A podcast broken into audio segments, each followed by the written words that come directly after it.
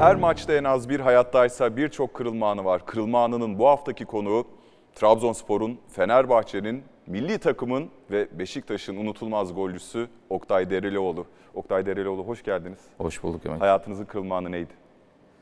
Vallahi hayatımın kırılma anı yani baktığında Beşiktaş'tan ayrıldığım an.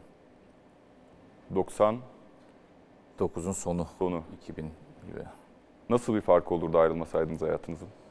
Çok daha farklı olurdu. Zaten e, belli kırılmalar yaşıyordum kendi özel e, hayatımdan dolayı. Onu ancak Beşiktaş'ta toparlayabilirdim. Rahmetli Süleyman Seba'yı dinlemedim. E, ve Beşiktaş'tan ayrıldım. Ayrıldıktan sonra dönmek istediğimde Seba yoktu. en büyük sıkıntı oydu. Başka yönetimler vardı. Hiç tanımadığım yönetimler vardı.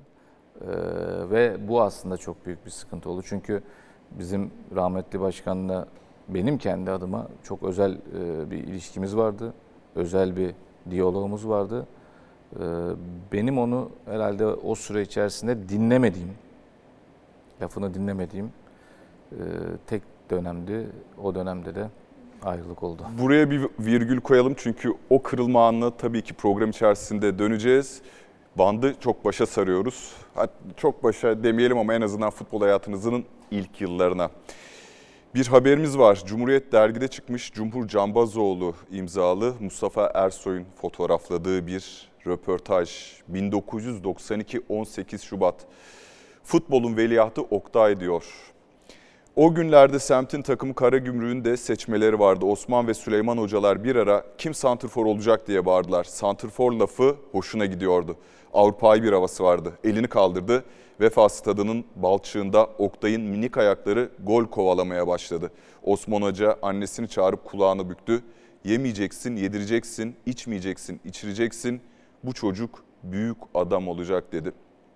Ee, ekonomik olarak çok zor bir çocukluk sanıyorum.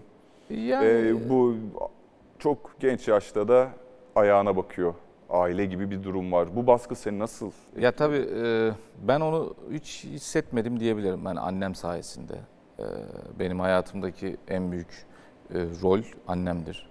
E, çünkü benim annemle babam yaklaşık ben bir yaşını doldurmadan ayrılıyorlar.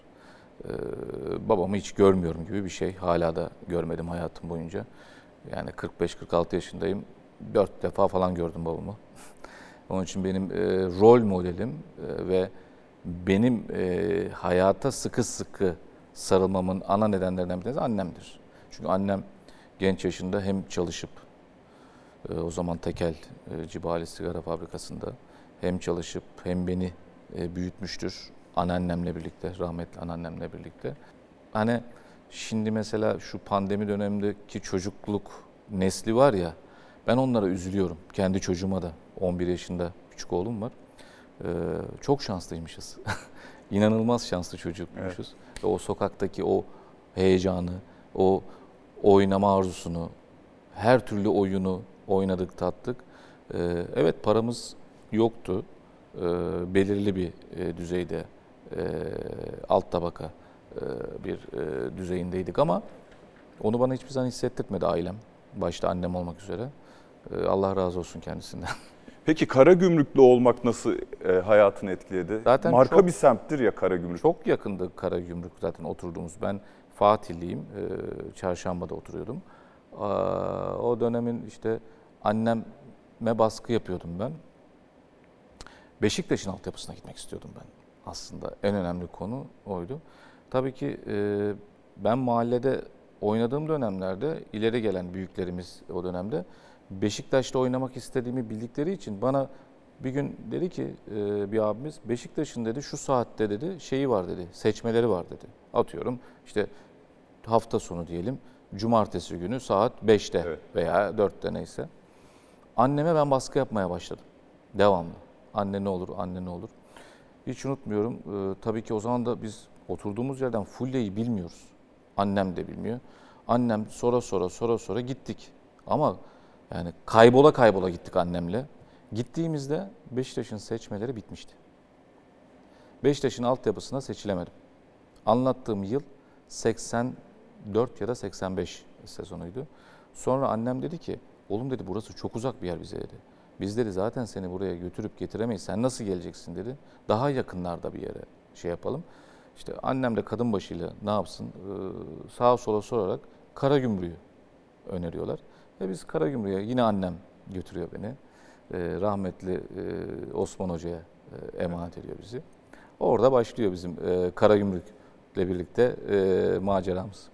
Osman Hoca'ya yandık ama ilk teknik direktörlerinizden, antrenörlerinizden birine bir kulak verelim.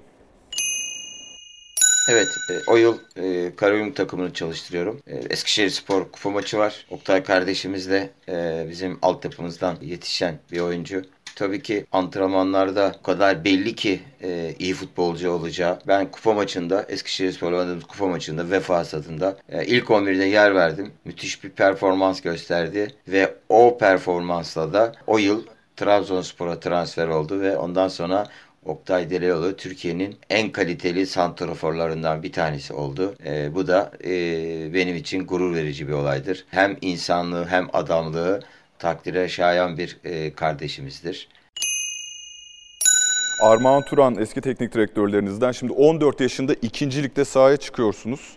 Ya şöyle bir şimdi TFF birincilik şimdiki adıyla o ligi de iyi bilmek lazım. Yani bu dünyanın en se- sert liglerinden Çok bu abiler Şimdiki değildi. Şimdiki değildi. Armağan Hoca da mi? Armağan Hoca da biz onları izleyerek e, geldik. Futbolu bırakır bırakmaz da Karagümrük'ün hocası oldu. Sağ olsun bende de emeği çoktur gerçekten. E, buradan da teşekkür ediyorum kendisine. E, e, o lig A, B, C diye ayrıldı emek. Yani 3 grup vardı. A, B, C diye. Biz A grubunun şeyiydik. E, tabii o, o- dönem öyleydi. Ve Bölgelere sana göre şöyle söyleyebilirim. Şu anki PTT birinci lig dediğimiz e, lig onun yanında havacı vagalar yani. Çok sert ve zor bir ligdi yani. İnanılmaz. Bu abiler beni yer diye korkmadın peki sahaya çıkarken?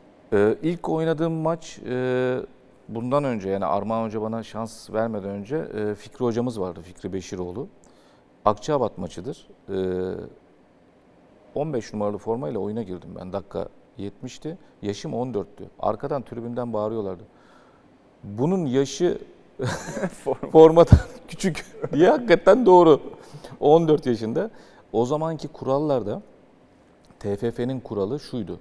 Eğer ki bir oyuncu kendi kulübünde yetiştiyse istediği yaşta A takımında veya en alt tabakanın hepsinde oynayabilir. Ama bir başka kulübe transferi halinde 18 yaş kuralı vardı. Mesela ben Karagümrük'ten bir başka takıma e, gidip o dönem işte Ordu Spor'da vardı ligde, Eskişehir'de vardı. Başka lige, başka takıma gitseydim oynayamıyordum mesela. Benim için mesela detaymış. kural değiştirilmişti. Ben e, Trabzon'a transfer e, olmuştum. E, 15 yaşından sonra, bir sene sonra 16 yaşında. E, benim için kural değiştirilmişlerdi. E, geçen yıllarda verdiğim bir röportajda da e, diyorsun ki Likens e, çok erken oynuyorsun demiş. Kesinlikle. Risk alıyorsun demiş. George yani bu neden bu bu kadar çabuk sahaya girme ihtiyacı hissettin? Bir an önce para kazanayım Ben diye mi? hayır, ben hissetmedim. Benim öyle bir talebim yoktu. Benim e, etrafta, sağda, solda herkesin çünkü e, inanın Karagümrük'te hocalar arasında kavga çıkıyordu. Yani ben 14 yaşında, 14 yaş grubunda, 14-16 yaş grubunda, genç takımda ve A takımda bir hafta içinde maç oynuyordum. Beni aslında kurtaran ne olmuştu o dönemde biliyor musunuz? Beni kurtaran genç milli takım olmuştu. Ve ben genç milli takımda Serpil Hamdi Tüzün hocamızın sayesinde Karagümrük'ün bütün branşlarında yer almaktan kurtulmuştum. Çünkü her hoca beni oynatmak için yani e, yani bir iyi bir oyuncu var. Herkes diyor ya benim genç takım maçım var orada oynayacağız. İşte A takım maçı var orada oynayacağız. E ben Anlıyorum. zaten bünye ne kadar o dönemde ben canım ne ki benim e, kaç maç oynayacağım. O kadar çok bana yüklenildi ki. Ve o dönemde genç milli takımda benim birazcık daha serpilmeme ve e, gelişmeme neden olan e, İsveç maçında, e, turnuvada e, B genç milli takımda kolum kırıldı. Ve kolum kırıldı. Ben 6 ay futboldan uzak kaldım. Ve o dönemde ben güçlendim aslında. George Likens'le yaşadığım olay da ben George Likens'in eline gittiğimde o antrenman temposunu, oyun bilgisini, işte e, Likens'in e, o ileri görüşünü orada öğrendim. Çünkü ben 16 yaşında Trabzonspor'da o antrenmanı yedikten sonra Beşiktaş'a döndüğümde 17 yaşında bank oynamaya başladım. Ve Likens bana şunu söyledi. Seninle ilgili dedi herkes bana baskı yapıyor dedi. Benim de gücüm bir yere kadar Oktay dedi. Ben dedi şu anda bu ülkede bana bıraksalar seni dedi. Ben seni bu sene hiçbir şekilde oynatmam dedi. O zaman PAF takım vardı. PAF takımının zaten beni yolluyordu. Ben PAF takım maçlarını oynuyordum. A takımın ertesi gün maçlarında da kadroda bul diyordu. Sokmuyordu beni oyuna. Kadroda tutuyordu. O havayı hisset. Ama antrenmanlarımı A takımda yapıyordum. Eğer ki dedi sen e, sabırlı olursan, eğer ki sen benim programımı uygularsan senin iki sene içerisinde gideceğin kulüpler Liverpool, Real Madrid, Manchester United, Juventus. Sana söz veriyorum. Gelişimini böyle. Çünkü oyuncu gelişimi üzerinde uzman bir adamdı. İnanılmaz. O şartlarda o gün anlattıklarını şimdi teknik adam olarak düşünüyorum. Hepsinde A'dan Z'ye haklıydı ve ben çok erken oynamaya başladım ve beni erken yıprattılar. Erken yıpratılmasaydım çok daha farklı bir e, konumda olurdum. O konjöktürde, o zamanda da bizim bu kadar Avrupa'ya yakınlığımız yoktu. Oyuncu bazında çok çabuk çıkamıyorduk. Bizi izlemiyordu Avrupa. Hiç bakmıyordu bize. Eğer bakılsaydı şu anki dönemde o yaşlarda da gidebilirdik yani. Şimdi genç milli takıma değindiniz. O genç milli takım çok önemli bir genç milli takım. Türkiye futbolda Avrupa şampiyonluğu getirmiş bir milli İlk. takım. 92'de ilk. Evet 92 Tarkan'ın attığı golde ben ne yaptığımı hala hatırlıyorum. Ee, çok büyük e, sansasyon yaratmıştı o maçın görüntülerini hatırlayalım. Orta yuvarlak içinde tekrar topu kontrol ediyoruz. Turan ileri doğru bir pas yakalıyoruz vuruş ve top ağlarda mı? Hayır hayır direkten geri geliyor. Oktay Oktay vurdu. Büyük bir şanssızlık. Vuruş ve gol. Gol ikinci golü kaydediyoruz. 2-1 öne geçiyoruz. 2-1. Türkiye 2. Türkiye 2. Evet. Sevinç içinde futbolcularımız sevgili seyirciler. Avrupa'nın en büyüğü Türkiye oluyor. En büyük Türkiye. Kupa Türkiye'ye geliyor. Evimize geliyor. Bu büyük sevinci yaşıyoruz sevgili seyirciler. Evet. Görüntülerde Serpil Hamdi Tüzün de var. Ee, Serpil Hamdi Tüzün'ün de hayatında çok önemli bir rolü var. Çok. Yani benim e, futbolculuğumdaki gelişimi e, ve şu anda bile onun tekniklerini antrenör olarak kullanıyorum. E, inanılmaz bir dahi bir teknik direktör. İnanılmaz. Bence Türk futbolu onun değerini bilmedi. Türk futbolunun e, deha teknik direktörü bence Serpil Hamdi Tüzün'dür. Ve e, onun e, yaptıklarını, ye- anlattıklarını, e, bize öğrettiklerini dünya futbolu son 7-8 senedir uyguluyor. Dikkat ederseniz takımı yani incelerse o dönemdeki e, spor severler Fotoğrafı bizim, da var. Bizim bizim takım çok ufak boyluydu. En uzunlardan bir tanesiydim ben. En uzun boylardan ve çok eleştiri alırdı e, bizim hocamız. İşte bu kadar ufak boylu e, oyuncular mı olur? İşte e, o dönemde de öyle bir şey gelişmişti bizde Türk futbolunda. Pivot santrafor. Evet. Havadan işte biz pasa dayalı yerden ve e, işte Kun Agüero, Messi, Suarez tarzındaki oyuncu modellerini Jean-Pierre Papin. Evet yani onları ön plana e, çıkartmak isteyen ve oyunu yerde tutmak isteyen, havadan ne kadar oynuyorsun bir oyunu, bu top havada ne kadar kalabiliyor hesabını bize o dönemlerde öğreten bir teknik adamdır. Şu anda da rahatsız olduğunu e, biliyorum, haberlerini alıyorum. Acil şifalar diliyorum kendisine ama hakikaten ben bana göre benim hayatımda futbolun Atatürk'ü Serpil Hamtüz'ün. Jean-Pierre Papin örneğini bilerek verdim çünkü Jean-Pierre Papin'in Türkiye şubesi diyelim. Mustafa Özbey, e, bilinen ismiyle Galatasaraylı Mustafa Papen Koca Mustafa, Bey. Mustafa özür dilerim Mustafa Koca Bey. Papen Mustafa. Papen Mustafa, e, ona da bu takımla ilgili e, bir sorumuz oldu. bir stoper vardı. Bizden bayağı bir uzun boyluydu. Hatta Oktay'la ikimize bakıp gülümsemişti. Bu kadar kısa boylular içinde e, bu takım nasıl şampiyon olabilir diye düşünüyorlardı herhalde. O gün de maçı biz 3-0 kazanmıştık. Ama her şeyden önce bizim başımızda çok kaliteli bir teknik direktör vardı. Serpil Hamtüz'ün. Bize o kadar çok e, özgüven aşıladı ki hatta dün gibi aklımda bir maç vardı. Polonya ile oynamıştık. 3-0 yenmiştik o maçı. Ve o maçtan sonra Polonyalı futbolcuların hepsi yerlerde yatıyordu. Orta sahaya kadar yanımıza gelip Serpil Hamtüz'ün sadece şunu söylemişti. Yerdeki oyunculara bakın diyordu. Bunları ben yapmadım, bunları siz yaptınız demişti. Bu benim için çok büyük bir anıydı zaten. Kendimize özgüven aşılama anlamında Serpil Hocam bize çok şey kazandırdı. Onun yanında dediğim gibi Oktay'la biz çok iyi bir ikili olmuştuk. Avrupa Şampiyonası'nda şampiyonluğumuzu gördük. Onlar da, oradan da Dünya Kupası'na gitmiştik. Ee, dediğim gibi hakikaten benim için rüya bir takımdı. O takımda oynamak benim için çok büyük bir zevkti. O takımda da şampiyonluk görüp e, tarihi adımızı yazdırmak da benim için mutluluk vericiydi. Mustafa Koca Bey'e tekrar teşekkür ediyoruz. Serpil Hoca'nın da ne kadar önemli bir futbol adamı olduğunu bir kez daha işte Mustafa da çok özel bir oyuncuydu. Çok iyi bir golcüydü. Ee, inanılmaz e, gol becerisi olan bir e, arkadaşımdı. Ee, hatta biz takım içerisinde bizle şey yaparlardı. Ee, böyle e, bize birbirimize düşürmek için e, Kim daha fazla? kim daha fazla gol atacak ama biz her zaman o rekabeti e, birbirimize, arkadaşlığımıza e, güzel tatlı bir şekilde yansıtırdık. O da zaten e, Türk futbolunun önemli golcülerinden biri oldu sonra. Tabii sonrasında Trabzonspor macerası var. Trabzonspor 650 milyon lira gibi büyük bir bonservis bedeliyle o yaştaki futbolcu. 100 bin dolardı o zaman. 100 bin dolar mıydı? Manşet atılmıştı 100 bin dolar diye.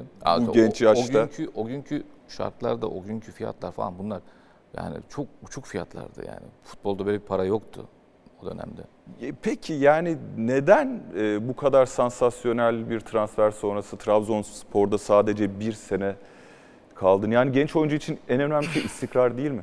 Trabzonspor camiası ve kulübüne her zaman ben çok teşekkür ederim. 92 yılı için ve e, şöyle doğruya doğru ben Beşiktaş'a gitmek istiyordum ve herkes benim Beşiktaş'a gideceğim. Çünkü Serpil Hoca da Beşiktaş'ın altyapı sorumlusu Evet. o zaman da.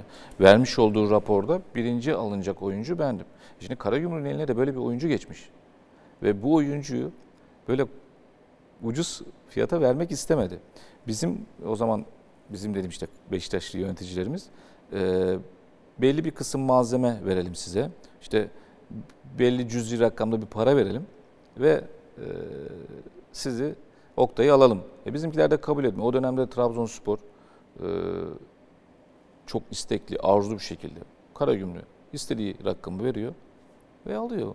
Bu kadar. Ben de daha sonradan öğrendim yani. Ben de Beşiktaş'a gideceğimi düşünürken e, bir baktım Trabzon'a gidiyorum.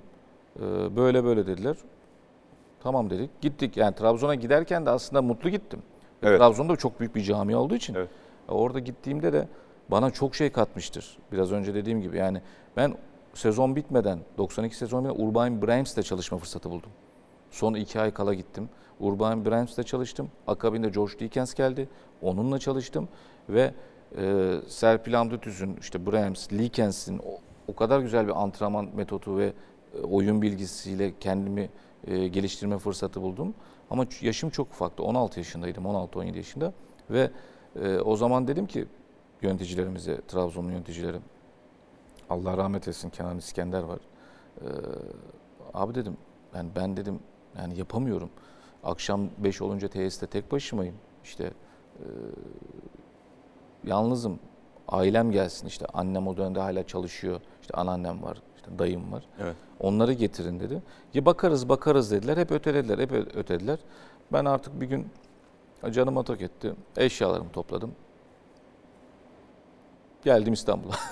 1 milyar liralık da bir bonservis bedeliyle Beşiktaş'a 1 milyon dolara denk geliyor. denk geliyor. Ama ben ben hiçbir kulübü- kulüple hiçbir kulüple anlaşıp gelmedim. olmadı. Hiçbir kulüple anlaşıp Anladım. gelmedim. Hiçbir şeyle konuşup e, şeye e, terk etmedim. Sadece psikolojik olarak yalnız hissettim kendimi. Ufak bir çocuk psikolojisini düşünün. E, ailemi İstanbul'dan getirmedikleri için ayrıldım yani. Mevzu bu kadardı. Daha sonra beni Galatasaray istedi. Daha sonra Beşiktaş istedi. E, gelişmeler ondan sonra e, hal aldı yani. E, gönlünüzdeki takım Beşiktaş'a transfer oldunuz sonunda. Kesinlikle. Şimdi o taraf zaten e, biliniyor devamı. Bir ama yine de hatırlatma, hatırlamakta fayda var golleri.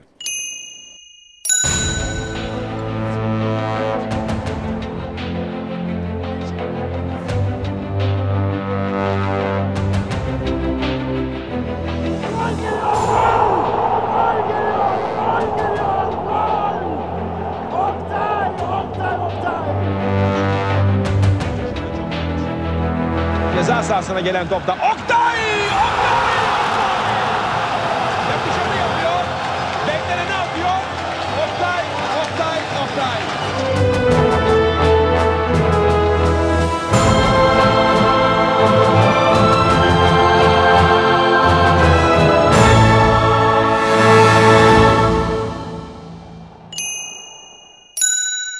94-95 yılında şampiyonluk var. Evet. Ama en verimli dönem aslında bu Şampiyonlar Ligi golleri de değil.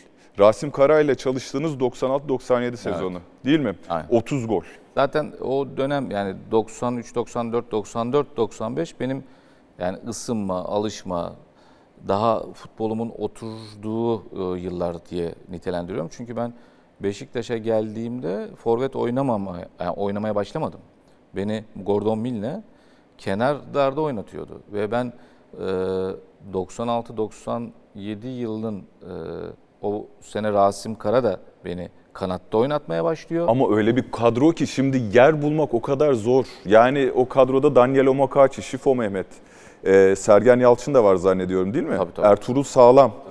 Yani sadece bir Zlatka Sonra- Yanko vardı bir orta saha oyuncusu. Stefan Kuntz, Kuntz. öncesi var alınan. Yani beni hep tamam mı e, kanat oyuncusu olarak yani kenar oyuncusu olarak veya işte orta sahada oynadım ben Beşiktaş'ta ilk iki yıl mı üç yıl mı.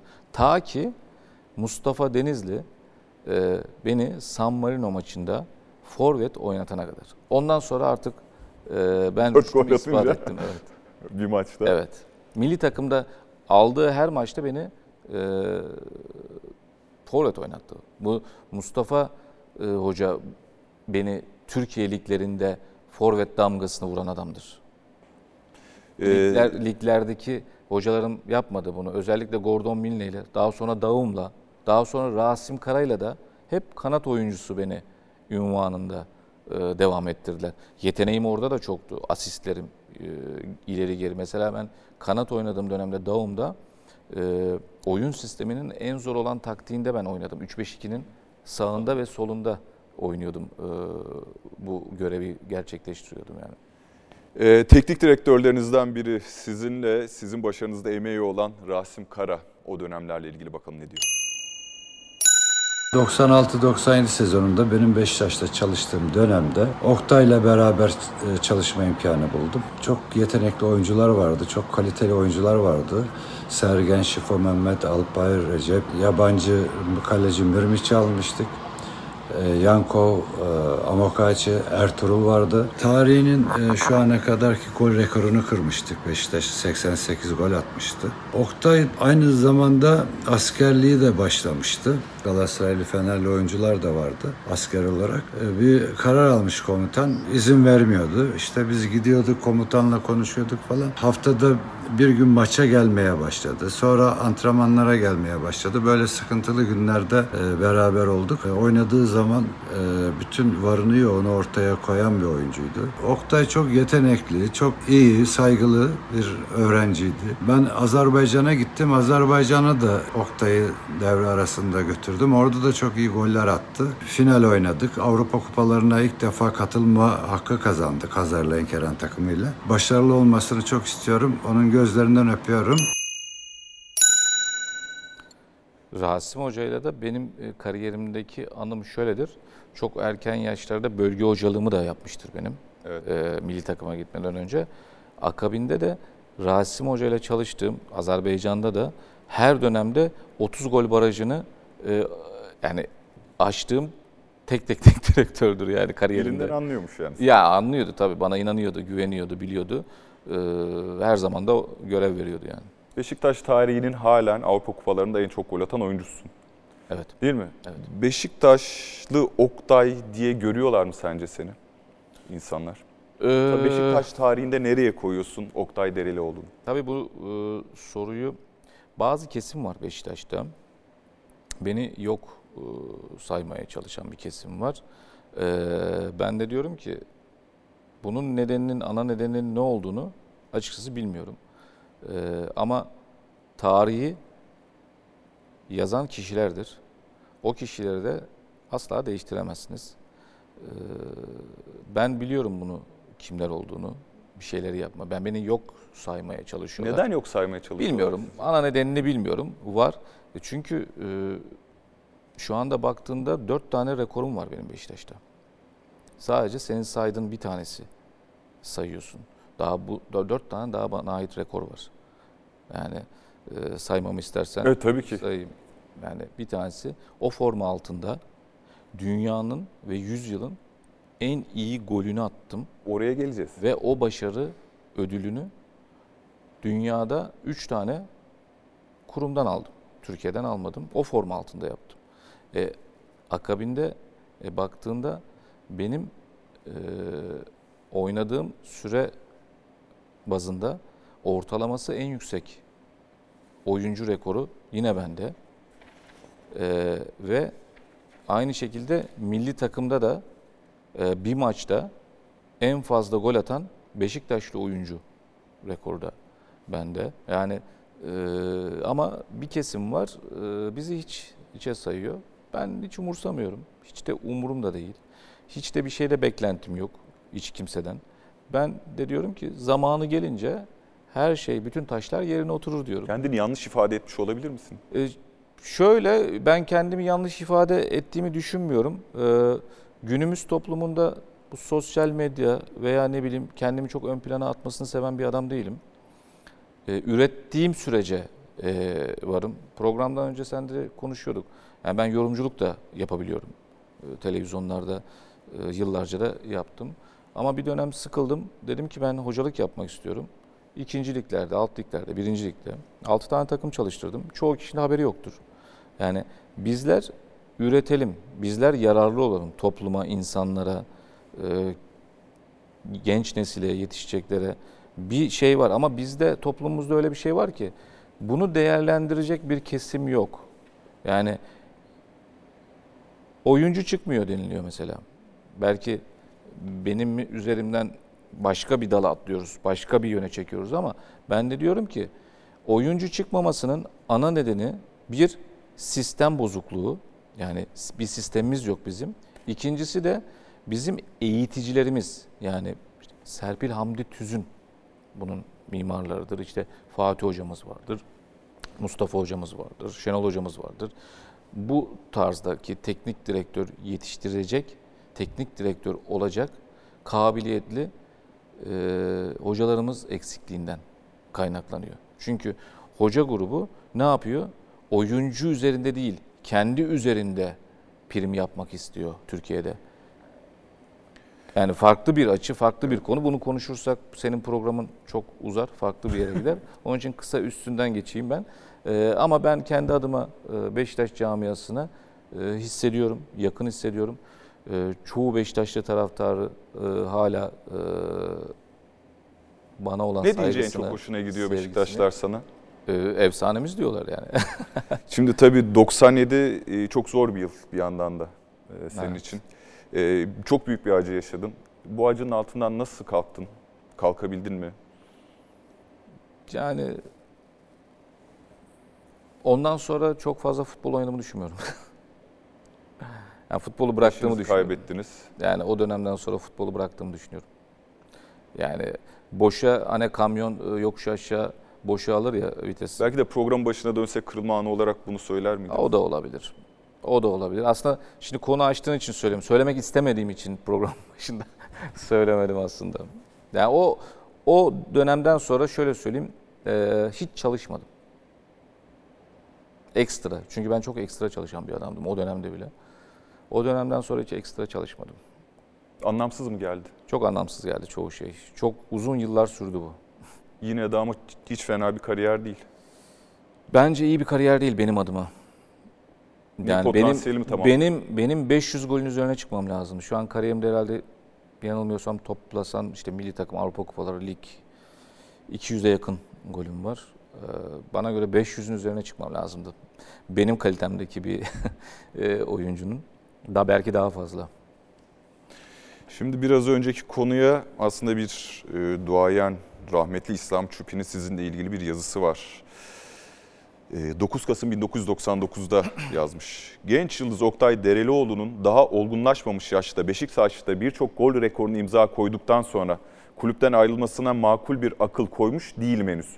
Feyyaz gibi, Ali gibi yakın tarihte Beşiktaş santrforluğuna rekor koymuş futbolculardan üçüncüsü olmaya aday Oktay Derelioğlu'nun yoluna kim taş koydu sezebilmiş değilim.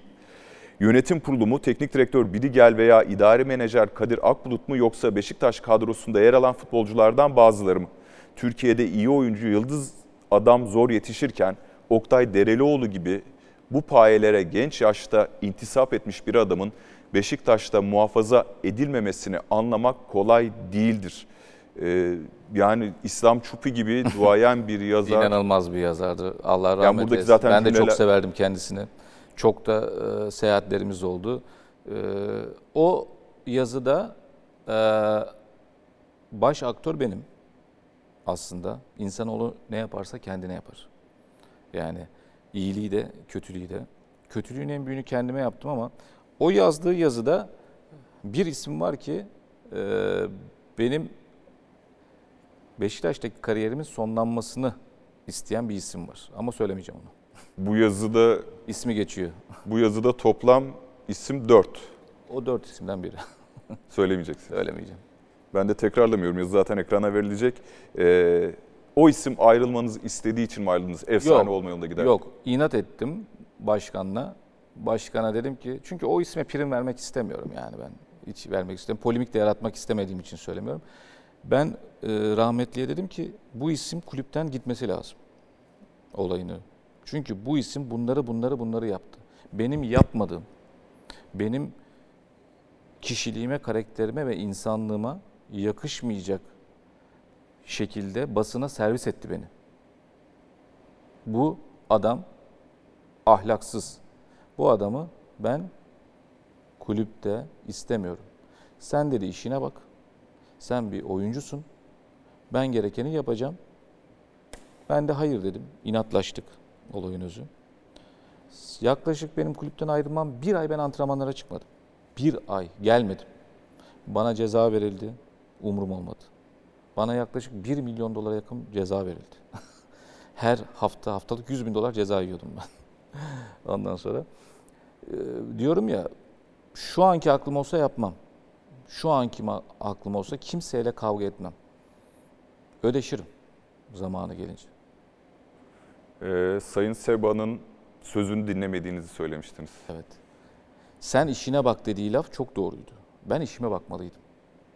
Zamanı gelince de ödeşirdik. Ve ayrılmak zorunda kaldınız. Ayrılmak zorunda inat uğruna kendi kendime ettim yani. Kendim yaptım. her. Pişmansınız. Pişmanım çok. Beşiktaş'ta kalmalıydı. Çünkü İslam abi rahmetli o kadar güzel yazmış ki kısa sürede 6-7 senelik bir bölümde e, uzun sene işte sayılı isimler 13-14 sene kariyerli olan isimler ben onlara kafa attım yani. ben buradayım diye. Ben eğer 14-15 sene e, Beşiktaş'ta kalmış olsaydım benim rekorlarımın yanında bir tane oyuncu yaklaşamazdı. Ya sanki Trabzonspor'dan ayrılışınız buna benzer bir hikaye. Yine inat gibi, bir ani bir karar gibi. Yani diğer teknik direktörlükte, diğer e, oynadığınız kulüplerde de değişik bir serüveniniz var. Nürnberg'e gitmişliğiniz var. Azerbaycan var. Alt lig var. Fena- Beşiktaş'tan sonrasını çok şey yapmıyorum. Çünkü Beşiktaş'tan sonra ile ilgili çok e, sağlam kafayla alınmış kararlar e, olduğunu düşünmüyorum. Diyorum ya 97 yılından sonra e, futbolu aslında bıraktım. Kimsenin haberi yok. Yani 22 yaşında futbolu bırakmıştım aslında.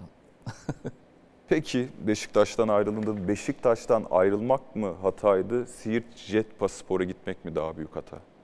Beşiktaş'tan ayrıldıktan sonra zaten her yere gidiyorsun. Her yere gittim. Çok fazla kulüp değiştirdim ondan sonra dikkat et. Evet doğru. 3,5 milyon dolarlık bir bonservis bedeli. Yine o da zamanın en büyük bonservis bedellerinden birisi. Ee, ardından evet bir serüven başlıyor sizin için Beşiktaş ayrılığı sonrası. Ee, bakalım bir e, önemli görüntüler var yine. Solda Erhan Albayrak. Erhan Albayrak'ın ortasında Johnson'ı geçen top ve Oktay'ın golü. Erhan Albayrak ortada Oktay boş. Erhan Albayrak pasını verdi Oktay'a. Oktay gol pozisyonu kaleye ve gol. 46. dakika Oktay ve Gaziantepspor farkı ikiye çıkartıyor Fenerbahçe karşısında. Mustafa, Mustafa Şahin Türk topu kazandı. Mustafa ceza sahasında ortaya çevirdi gol pozisyonu ve dördüncü gol geldi. Oktay 4-0 yapıyor skoru. Mustafa Şahin Türk golü hazırlayan oyuncu. Bırakıyor ve Oktay da golünü atıyor.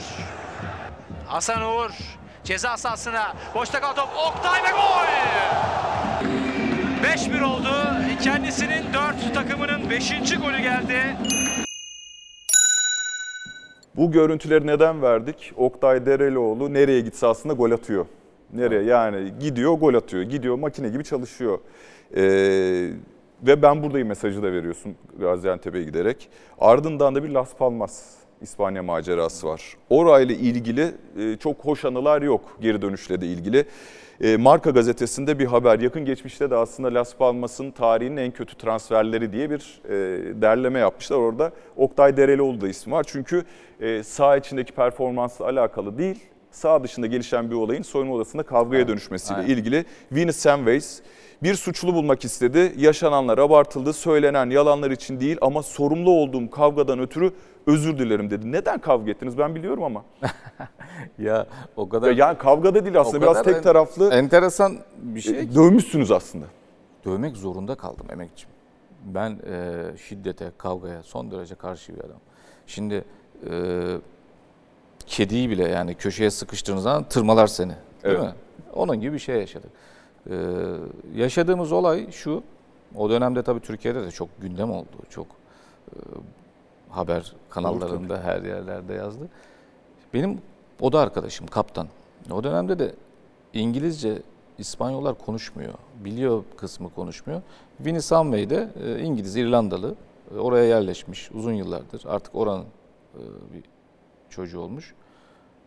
Bu devamlı bahis benle yapmak istiyor. Yani işte atıyorum televizyonda yüzme yarışı var. Oktay diyor kaç numara kalacağız? İşte o zaman euro yok. İşte pesetas var. 50 pesetas, 100 pesetas. Ben tabii onu mutlu etmek adına. Yani onunla e, çünkü hoşuna gidiyor. E, yeni Ama ben- gelmişsiniz. Ben yeni takıma. gelmişim. Tamam diyorum ben her hafta 500 pesetas, 1000 pesetas falan kaybediyorum buna. Ama umurum değil yani çok fazla. Beni istiyor diye. Ya Allah Allah aklıma da bir yandan takılıyor. Bu nasıl devamlı biliyor? O dönemde de yazın olduğu dönemde olimpiyatlar Evet. varmış. Ama olimpiyatların bitiş dönemiyle bizim ligin başlangıcı onu ben dikkat etmiyorum. Televizyonda bakıyorum. Banttan yayınlanan, banttan izlenen şeylere bana bahis yapıyor. Canlı değil. Anlatabildim mi? Yani sonuçları biliyor. Nitelikli dola- dolandırıcı. Evet, aynen öyle. Sonuçları biliyor. Tabii geçmişe dönük ben bir şey istemedim kendisinden. Dedim ki en son hafta Oviedo deplasmanına gittik. E, Oviedo deplasmanının dönüşünde bu benden para istedi. Ben de e, İngilizcem yani çok yüksek derecede değil ama anlaşıyoruz onunla biz. Ona dedim ki e, Vini dedim yani sen dedim böyle böyle yapmışsın dedim. E, işte 300 pesetas mı 400 pesetas mı bir para. Ben dedim bundan sonra benle e, böyle iddialar yapma. Ben sevmiyorum zaten. Sen de öğrendim ne yaptığını. Banttan yayınlanan e, şeyler için ben de odada oturuyorsun ben de e, iddiaya tutuşuyorsun dedim. Bu kızdı. Masaj salonundaydık. Ben tabii umursamadım. Çünkü an diyeceğimi dedim bana ne yani Ko- konuşmamaya başladım o dönemde. Gittim içeri işte üstümü değiştiriyorum. Antrenmana çünkü çıkacağım masaj olduk. Şöyle arkamı böyle biraz bir döneyim dedim. O zaman da kasalar var ortada kulüpte. İtmandan sonra terlerini oraya atıyorsun. Evet. İşte orada ortada kasa var. Ben de üstümü çıkartırken asarken tamam mı tişörtümü giyeceğim. Göz ucuyla gördüm. Sen o kasayı kaldır. Benim kafama yani son anda benim de elim yarıldı zaten. Son anda elimle tutmasam o kafayı, o kasayı benim kafama adam vurma cesaretini gösteriyor. Anlatabildim yani. Belki öleceğim ben orada. Yani tutmasam elimle. Yani sen nasıl bir adamsın ya dedim. Sonra biz orada tabii itiştik kakıştık oyuncular e, araya girdi. Sonra gittim hocaya Sergio. Sergio Krasic Hırvat. O da zaten olayı anlatmışlar. Sen dedi son derece haklısın dedi. Biz senden memnunuz dedi. Lütfen benim için dedi sakin davran dedi. Bu olayı dedi kapat dedim. Peki hocam dedim. Sorun yok dedim. Yani para da önemli değil. Hiçbir şey önemli. Canım önemli orada yani. Adam bu kapasitede, bu düşüncedeyse neler yapabilir diye kafamdan da geçiriyorum bir yandan. Neyse antrenmana çıktık. Antrenmanda bu devamlı bana küfür ediyor. İşte devamlı bir şeyler söylüyor. Üzerine oynuyor. Üzerine oynuyor. Isınma bölümü geçtim. İşte yarı sahada çok pas oyununa geçeceğiz. Yelekleri dağıtıyor. Genelde de aynı takımdayız. Çünkü ikimiz de ilk 11 oynuyoruz. Bu ne yaptı biliyor musun? Yeleği aldı. Hocayı da dinlemiyor hiç. Gitti karşı takım arkadaşına, arkadaşımıza verdi. Bana rakip olmak istiyor. Nasıl kayıyor? Dizime dizime yani sakatlayacak beni. Atıyorum sağa, atıyorum sola. Hocayla göz göze geliyoruz. Hoca da bir şey yapamıyor. Yani engel olamıyor. Yani hocanın üstünde bir adam. Onu hissettim orada zaten. Olacak gibi değil dedim. Buna haddini bildireceğim dedim. Bir top geldi uzun. Hemen dedim köşe bayrağına doğru çektim kendimi. Kimse gelmesin çünkü dedim. Hemen orada zaten topu attım. Onu bir yakaladım. Güzel bir dövdüm. Ama o takım arkadaşlarımız da ma- maşallah o kadar çok seviyormuş ki 10 saniyede geldiler a- ayırmak için. Bırakın da bir rahat rahat bir döveyim. Yani dövmeme e, kasıt şu zaten burnu kırıldı. Ee, otomatikman. Ee, Marka gazetesi de zaten o dönemde böyle şey şey almış böyle kesit kesit manşet atmıştı hiç unutmuyorum. İşte Bilbao, Rocky Bilbao diye benimle ilgili. Ha güzel bir şey değil bu. Ee, İnsan hayatında İnsan oluyor hayatında. ama. Ama bu zorunlu bir şekilde beni bunu kendimi koruma içgüdüsüyle yapılmış bir şey. Son derece kavgaya ve şiddete karşı olan bir insanım. Bunların hiçbir tanesini tasvip etmiyorum. Ama bu şekilde bir olay yaşadım. Ee, gerekeni de yaparız zamanı ve yeri gelince de yani. Ee, geri dönüşte kaçınılmaz oldu. Geri dönüşünde Oranın- de şu an orada da kalamadım. Şu an çünkü Berke o zaman ufaktı. Ee, Üç buçuk yaşındaydı.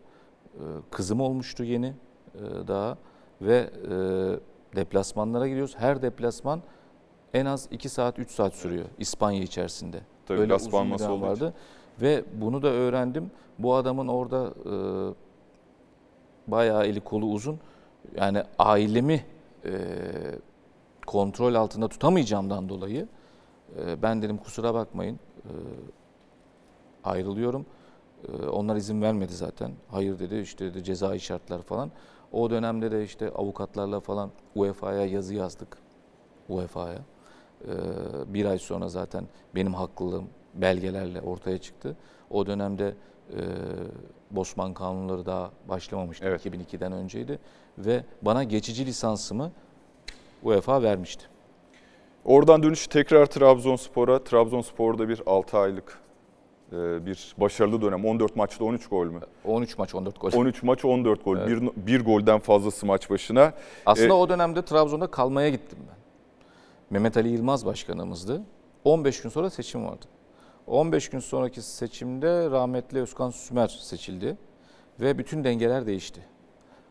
Sizin için de değişti. Bir Değişti. röportajımız var. O röportajda ben de varım. Çok yıllar önce. Bakalım Oktay Derelioğlu hatırlıyor mu? E, Hatırlıyorum. 20 sene öncesi. Yeni sezonda beklentilerin neler?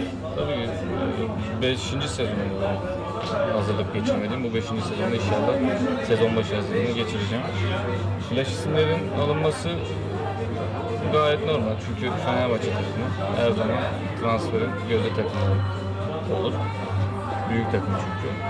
Önemli değil yani ben, benim için sevindirici çünkü tatlı bir rekabet olacaktır. Ben kendime inandıktan, güvendikten sonra hiçbir problem yok. İsterse dünyanın en iyi futbolcusu, en iyi oyuncusu gelsin. Beraber yan yana yok. Hangi duygu ve düşüncelerle Fenerbahçe'ye geldin? Valla e, Çok da eminsin Son- kendinde. son- Kim olursa olsun oynarım diyorsun. son derece e, mutlu, iyi bir şekilde o Fenerbahçe camiası da beni çok yakından, içten şekilde karşılamıştı. E, dedim ya, e, kendimden her zaman emin oldum ama e, bir şeyler bırakmadı e, peşime, şanssızlıklar, ne bileyim işte o dönemde mesela ligde 7 gol, Şampiyonlar Ligi'nde de 2 gol atmıştım Evet. geldiğim sene ve bir fıtık çıktı. E, sakatlığım çıktı. Ondan sonra bir dengeler bozuldu. Kulüp içerisinde işte yönetimle, başkanla birazcık e, problemler oldu. E, çok fazla böyle futbol yapısı bizim özellikle çok doğruyu konuşmayı kaldırmıyor. Çok e, fazla biraz konuşmayacaksın. Çok fazla her şeye e, Hangi tavrınız dediğiniz problem oldu? ya mesela ben e, adil olan her şeye okeyim. Adil. Yani kendi adıma da. Yani bugün işte bankada işlemim var diyelim veya işte ne bileyim bir yere gidiyorum. Sıraya girmeyi severim. Bana öncülük sağlanmasın. Bu kafa yapısında, bu mantalitedeyim. E, kulüplerde de e, bunu öne çıkarak bazı şeyleri. Yani yanlışa doğru, doğruya yanlış tavrım yok. Yanlışsa yanlıştır, doğru da doğrudur. Bunları çok fazla e, yaptığımdan dolayı daha çok e, saha içi değil de saha dışı sanki beni problemli, işte e, dik kafalı e, gibi lanse etmeye başladılar beni. Aslında hiç benim öyle bir tavrım yok. Kimseye karşı dik kafalılığım veya e, bir düzeni bozacak bir durumum yok. Ben doğru olan, düzgün olan, adil olan her şeye varım. Tek istediğim bu benim. Mourinho'dan fazlam var. 2 Temmuz 2008'de bir röportaj sporx.com. Kendime güveniyorum.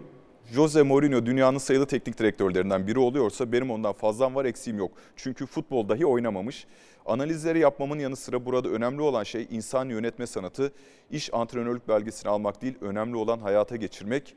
Ee, Evet, kesin. iddialı bir giriş olmuş ama devamı bir şekilde İnsan hayalleri gelmedi. kadar yaşar demek. Benim hayallerim her zaman geçerli. Hala da geçerli. Ben futbol adamıyım ve futbolda en üst noktaya, en iyi yere geleceğime inananlardanım. Bunu e, hayal gibi görenler, şu anda bizi izleyenler e, düşünebilir. Hiç sorun değil. Ama ben kendime inanıyorum ve güveniyorum. Bir gün gerçekleşmese de bu hayal beni ayakta tutuyor. Ee, hangisi daha çok zorladı diye soracağım ama önce bir videomuz var. Gaziantep Spor Teknik Direktörlüğü'nden ayrılış videonuz. Bir seyredelim onu. Takıma sahip çıkılsın. Bu oyuncular çok değerli. Bozulmasın. Benim tek isteğim bu. Hepsinden Allah razı olsun. Başta başkanım olmak üzere. Teşekkür ederim. Kayıt devam ediyor. Kayıt devam ediyor hocam. Kayıt devam ediyor hocam. Buyurun. bir şey ifade etmek istiyoruz. Ee, şimdi biz e, genç futbolcular olarak hocamız geldiğinden beri perform performansımız çok arttı. Biz biz hocamızın başımızda durmasını istiyoruz. Hocamız giderse takım dağılır. Bizi bu seviyeye getiren hocamızdır. Hepimize destek olduğu yeri geldi baba oldu. Biz hocamızın gitmesini istemiyoruz. Biz söz veriyoruz. Kendi kaldığı sürece biz başarılı olacağız ama kendi giderse biz Sizlerle ilgili bir sorunumuz yok. Biz, biz, biz destek göremiyoruz hiçbir şekilde. Ve ben e, hakikaten itibarımı kaybettim. Hocam biz sizin sayenizde Ya, ayakta. ol, Hocam. Ya, teşekkür ediyorum. hocam biz Siz hocam adamlar öğretmeniz burada biz de sizi bırakmayacağız inşallah. Biz sonuna kadar arkasındayız hocam. Ya yapmayın Hocam, çocuklar. hocam, Vallahi gözünüzü ciddi seveyim. yani beni şu anda yani zor durumda bırakıyorsunuz. Ben prensiplerimden vazgeçmeyen bir adamım. Evet yani burada aslında insan yönetme konusunda çok sıkıntınız olmadığını görüyoruz. Oyuncu grubunu etrafınızda toplamayı başarmışsınız, Karşımdaki inandırmışsınız. düzgünse, karşımdaki düzgünse, biraz önce dediğim gibi adalet duygusu. Ben kendimin dört dörtlük olduğunu, mükemmel olduğunu savunmuyorum. Kendime göre bir adalet duygum var. Bu da bugün 10 kişi insana sorsanız 8'i 7'si benim e, kafamda çıkar. Bu da çok önemli bir e, istatistiktir. Bunu da bilerek yani düşünerek konuşuyorum. Ee, benim için çok basit bir olay teknik direktörlük yapmak. İnanın e, futbol oynamaktan çok daha e, basit. Neden peki o eşiği bir türlü atlayamadınız? Atlay- bu şu anki konjonktörde, şu ülkemizin şu anki konjonktöründe atlayamam. Çünkü atlama- eski milli futbolcu, eski atlama Beşiktaş söz futbolcunun Beşiktaş efsanesi Oktay Derelioğlu için daha kapıların daha kolay açılıyor olması Yok, lazım değil mi? daha zor.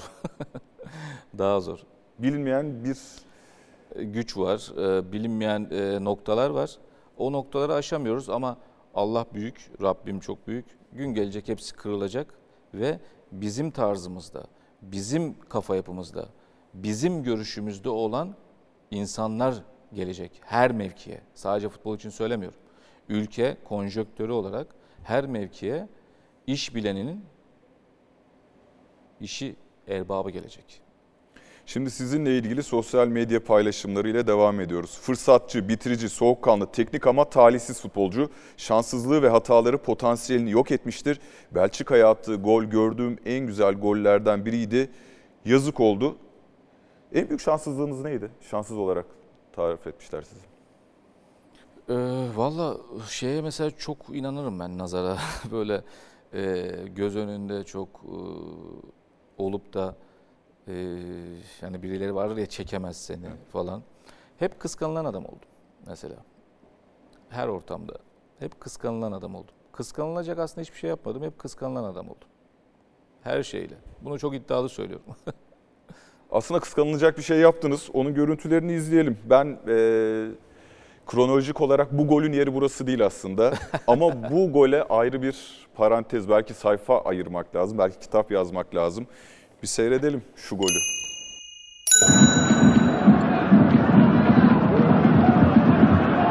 Süratle sokulur ceza sahasına doğru. Ondan da sıyrıldı Oktay. Şut pozisyonu alıyor. Oktay ceza sahasında gol pozisyonu. Hadi Oktay! Hadi Oktay! Oktay! Oktay! Oktay! Beş kişiyi ipe dizer gibi çalıma dizdi ve topu ağlara gönderdi. Karşılaşmanın 35. dakikası gol Oktay ve durum şimdi 2-1. This is Philippe de Wilde speaking, a former goalkeeper of the national Belgian team. Uh, first of all, I hope uh, that Oktay is doing fine, he and his family, in these strange times. Secondly, I must congratulate him for the wonderful goal he made. Uh, frankly, I must say I didn't really remember because I, I remembered the, the result that we made with uh, three goals of uh, Luis Oliveira, and uh, we made a big, step to qualify for the World Championship to uh, in France. Uh, we, I must say that we had a wonderful attack in that moment. We had really a transition team with a lot of speed in front with Oliveira and Mpenza. So I really remember the result of the game, but uh, I must congratulate Octave, for the wonderful performance he did by scoring this goal. It must be an un- unbelievable experience for him, and uh, uh, so many years uh, later, I must uh, uh, applaud him for the effort he made. I hope uh, you have a wonderful uh, emission and uh, a wonderful broadcast, and uh, all the best uh, to the football fans in Turkey. Thank you. Bu golü kaç kere seyretmişsinizdir? Vallahi bilmiyorum ama yani çok da öyle megaloman bir tipim değilim yani. ya çok fazla öyle bir bakıp bakıp Ay, Çünkü e, benim yani dünyada tabii atılan stillerdeki bir gol değil. Çok absürt, e, çok e, Çok absürt. Yani Maradona atıyor, sonra Messi attı, Aynen. Zlatan İbrahimovic atıyor. işte, e, benimki ama mesafe Hangisi olarak daha da güzel? Bu saydığım gollerden. Görüntüsü Allah. de var, bakabiliriz. Şey için adil olmak gerekiyor benimkisi. Adil olmak, adil olmak gerekiyorsa benimkisi güzel. Maradona'nınkinden güzel mi? Evet güzel. Neden Maradona'nınkinden güzel? Çünkü sence? Maradona düz gidiyor, az adam çalımlıyor ve e, slalom yok. Biz diyelim Messi'ninki de fena değil. Messi benden sonraki Messi diye düşünüyorum. Öyle Maradona 3 numara. Evet. Çünkü futboldaki en zor iş slalomdur. Dar alanda slalom yapmak çok zordur. Evet. Ee, bu maçta Belçikalı bir futbolcu golden sonra size bir şey söyledi mi? Ya da maçtan sonra. Tuhaf bakışlar oldu. Bir şey söyle. Kaleci De Wild de o bir şey söyledi mi? Dedim ya tuhaf bakışlar oldu. En önemlisi şeydi e, bizim soyunma odamız. Herkes bana enteresan bakıyordu. Öyle mi? evet. Ne gibi bir Yani tepki? nasıl O bir gol attın? değil, ha? Yani tebrik gibi ama devasal bir şey yaptın. Kimsenin yapmadığını yaptın gibilerinden. Ama benim aklım şeydeydi, maçtaydı. Çünkü Belçika'yı en kötü yenilmememiz lazım. Evet. Yenilirsek e, şansımızı kaybediyorduk. Beraberlik bize avantaj sağlıyordu. Biz yenildik yani. İlk yarısı da e, yanılmıyorsam 3-2-1 bitti. İkinci yarı bir gol. Oliveira 3 gol atmıştı. Oliveira 3 gol attı. Roma'da oynuyordu. Evet, o dönemde. Mepenza kardeşler vardı, Şifo vardı. Doğru. Ondan sonra yani çok güçlü bir kadroydu. Bu kadro aynı zamanda defans dörtlüsü İtalya'da oynuyordu. İtalya Ligi'nde hatırlarsın 90'lı yıllarda İtalya Ligi en katı e, savunmayı En yapan, en e, iyi savunmacılar orada oynardı. O dörtlü hatta hepsi İtalya'da oynuyordu. Bu golü futbol tarihinde nereye koyuyoruz peki biz? En güzel gol mü? Türk futbol tarihinin en güzel golü bu mu? Bence bu. Ya şey olarak algılama. Bence bu. İsmimden dolayı e, koymak istemezler bir yere. Başka biri atsaydı çok daha yerlere koyardı, koyarlardı. Ama e, dedim ya adil olmak gerekirse bence bu. Bunun üzerine yok. Var mı bilmiyorum hatırlamıyorum ben. İşte Hamit Altıntop'un Kazakistan'a attığı gol yılın golü Evet, seçilmiş. güzel gol, hepsi güzel. Güzel. Golün çirkini yok ama şu anda bir numara bence benimki. Düşünüyorum. Evet en güzel gol. Şüphesiz. Hatta en güzel gol herhalde. Üç tane ödülüm var bir de. Kariyerde çok az futbolcuya nasip olacak şekilde 7 kişiyi çalımlayıp gol atmışlığı olmasına rağmen tarafımca Eto bitmiş hadisesiyle anılacak olan eski milli futbolcu 22 Ekim 2013. Şunu bir kere daha seyredelim mi şu Eto bitmiş hadisesini? Ama Fenerbahçe'nin forvetleri işte orada Oktay'a katılıyorum. Basıp gidecek forvetler değil. Ben bugün bir haber aldım Onur abi. Bilmiyorum. %99 doğru deniliyor. Dün de yazdı gerçi. Eto İspanya'dan arkadaşımla konuştum. Eto bitmiş. Ha Fenerbahçe'ye geliyor. Bitmiş.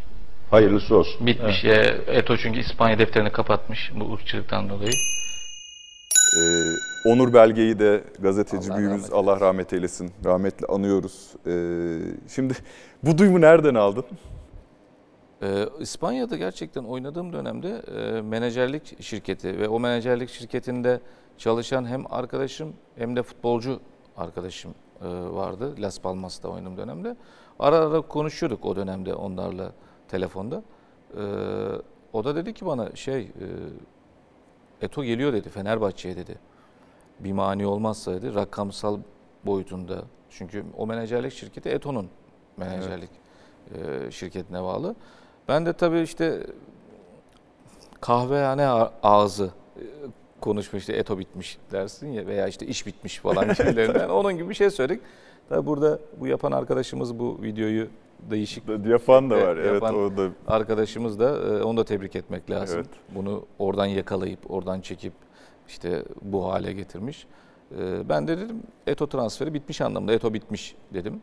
E, Ben de zaman zaman gülüyorum. Böyle işte Sen pek kabul etmiyorsun ama oluyor. yani son derece başarılı bir futbol kariyerinin var. Daha iyisi olabileceğini düşünüyorsun. E, onca gol attıktan sonra bu Eto bitmiş hadisesiyle hatırlanmak canını sıkmıyor mu? Yok. Peşinden geliyor. İsteyen istediği gibi hatırlayabilir. Hiç sorun değil. Dedim ya kişiler yaptıkları kadar yaşarlar ve o yaşattıkları kadar da insanların hafızasına e, kazınırlar. Beni Eto Bitmiş'le anmak istiyorlarsa da anabilirler. Canları sağ olsun hiç sıkıntı değil. Birazcık araştırırlarsa, birazcık da geçmişe dönerlerse bizim ne olduğumuzu görürler. Bir videomuz daha var. Zamanın ruhu 90'lı yıllar televole. Şu anda doğum gününe kutlu olsun diyoruz.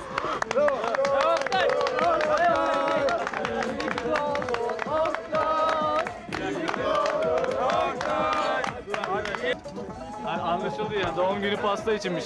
Oktay kaç yaşına girdin? Valla bilemiyorum 20 mi 21 herhalde. Sen çok uzak yaşlara girdin. Vallahi mi 21 herhalde. Kaç 19 muydu? 20 işte eine sagt so, der andere so. Bazı 19 bazı 23 diyor yani. Bilmem. Yok. Haberin yok. yok. Kaç yaşına girdin? 20. 20 Tam yaşına 20 girdin. yaşına Tam 20 yaşına girdin. Televole fenomen bir program. Futbolcu hayatlarının da içinde aslında. Siz de yardımcı Yani oluyordunuz. şöyle- Ee, muhabir Akınsel. Şu dönemin Instagram e, versiyonu. Evet doğru. Instagram medya- veya sosyal medya versiyonu diyelim yani. Bu kadar içinde olması futbolcuların hayatlarında nasıl etkiledi kariyerleri sence? ya olumsuz da etkileyen vardır, olumlu da etkileyen vardır. Ee, ama ben şunu çok iyi biliyorum ki o dönemde televolede çıkmak için can atan, televoleyi e, kendine malzeme, işte tanınırlık şeyini yükseltebilmek adına çok arkadaşımız vardı. Ben şaşırıp kalırdım. Yani e, Akın abi e, çok sevdiğim. O mesela e, o hep ondan gelirdi bana. Şunu yapalım, böyle yapalım. E, biz de kıramazdık. Elimizden geldiği kadar bir şeyler yapardık. Ama ben hiçbir zaman işte televoleye çıkayım, şöyle yapayım, böyle olayım. Hiçbir zaman öyle bir kafada olmadım. Çünkü bizim işimiz sahada. Sahada ürettiğin sürece zaten gündemsin.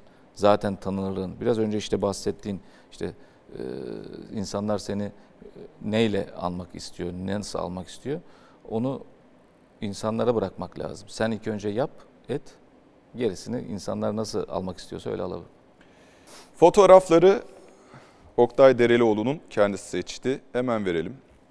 Evet Küçük Oktay Derelioğlu. Ne Bu söylemek fotoğraf- istersin bu ya da neler hissettiriyor? Mahallemizin fotoğrafçısı vardı. Hatta ben işte e, vesikalık fotoğraf için annem götürmüştü beni. Ee, annemle birlikte otururken e, fotoğrafçı benim böyle gülerken pozumu çekmişti. Ee, bu mesela o anı dün gibi hatırlarım mesela.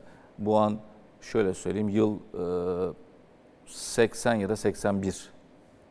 6. Evet, 6 yaşlarındayım. Çok iyi hatırlıyorum. Bir fotoğrafımız daha var. Küçük oğlum eksik burada. Evet. Yemekteyiz hep birlikte. İsimleri sayalım. Berke, Aleyna, Yağmur. Küçük oğlan. Küçük oğlan. Onda var resmi gerçi galiba. Ama Ee, o fotoğrafta yok. E, bu fotoğrafta yok. O da seçtiklerimiz arasında var. E, çocuklarınıza ne söylemek istersiniz? E, yani kendi hayatınızdan dönüp baktığınızda hani babanızdan ayrı kalmışsınız, çok az görmüşsünüz. Nasıl etkiledi bu sizi bir baba olarak? Ben baba sevgisini bilen bir adam değilim. Yani baba... Nasıl gösterdiniz kendi çocuklarınıza? Valla e, çocuklarımı çok seviyorum. Onlar benim hayatımın e, en önemli kısmı. Ve e, ben insan olarak yani yapılması gereken işte sağımı solumu filmlerde gördüğümüz kadarıyla oradan esinlenerek elimden geldiği kadar iyi bir baba olmaya çalıştım. Şöyle Ama de bir durum var. Siz özür benim, dilerim. benim kendi adıma onlara her zaman söylemek istediğim tek şey bu. Önce kendinize, kendinizden sonra devletinize, milletinize hayırlı, güçlü birer evlat eee, ve Atatürkçü bir mantalitede eee, siyasete hiç girmeden ama Atatürk'ün düşünceleriyle ilerleyen eee, güzel bir toplumun bireyi olalım, eee, düzgün olalım, eee, kendinize yakıştırılacak her şeyi yapın, yakıştırmayacak hiçbir şeyi yapmayın. Benim onlara eee, öğretmeye çalıştığım, öğretmek istediğim en önemli noktalardan bir tanesi iyi bir birey olun. Şimdi kısa kısa cümleler. Eğitim, eğitim. Eğitim. Ee, siz erken Eğitim. bırakmak zorunda kalmışsınız ama Ama biliyorum çocuklarınız çok Çok güçlü. şu anda evet. E, onları hayatları var. yani her şeyini eğitimine harcadık. E, ben buradan da her zaman söylüyorum. Yeni yetişecek nesile de söylüyorum. Lütfen iyi bir başarılı sporcu olmak istiyorsanız önce iyi bir öğrenci olmanız lazım. Kısa kısa cümleler veriyorum Oktay Derelioğlu. Tamamlarsanız sevinirim. Keşke yapmasaydım. Yani biraz önce söylediğim gibi yani Beşiktaş'tan ayrılmasaydım benim için önemli. Ee, Beşiktaş tarihinde hangi maçta oynamak isterdiniz? 100. yıl Galatasaray derbisi mi Ali Sami Yen'deki yoksa peş peşe 3. kere şampiyon olunan Galatasaray derbisi mi 4-3'lük? Peş peşe olan daha güzel olurdu. Birlikte oynadığınız en iyi forvet? Ee, partnerim diyeyim Amokachi. Ee, bir lakabınız olsa ne olurdu? Herhalde zaten söylüyorlar yani genelde golcü diyorlar, kral diyorlar. Ama öyle bilinir bir lakabım hiçbir zaman olmadı. Sizi en iyi tanımlayan kelime? Onu insanlara bırakmak lazım. Ben bunu söyleyemem. Çubuklu forma mı? Tabii Beşiktaş forması olacak.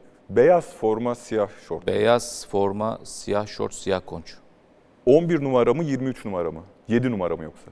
Ee, oğlum e, o dönemlerde yoktu. Oğlum 23 e, Mart doğumlu. 23 numara da benim için aslında özel bir numaradır. Çünkü Şampiyonlar Ligi tarihinde ilk golü Beşiktaş adına attığım forma ve ilk atan kişi de ben olduğum için e, 23'tür. Ama ben e, genelde sevdiğim forma e, 11'di.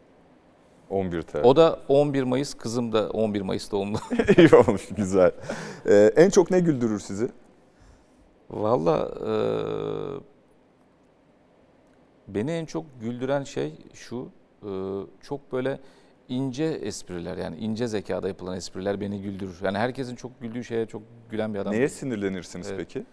E, arkamdan iş çevirmesine. En büyük hayal kırıklığı? En büyük hay- hayal kırıklığı şu, e, kariyerimin eksik e, kaldığını. Ama bunu da teknik direktörlüğümle tamamlayacağımı düşünüyorum. O hayalim devam ediyor. En büyük merakınız ne hayattaki?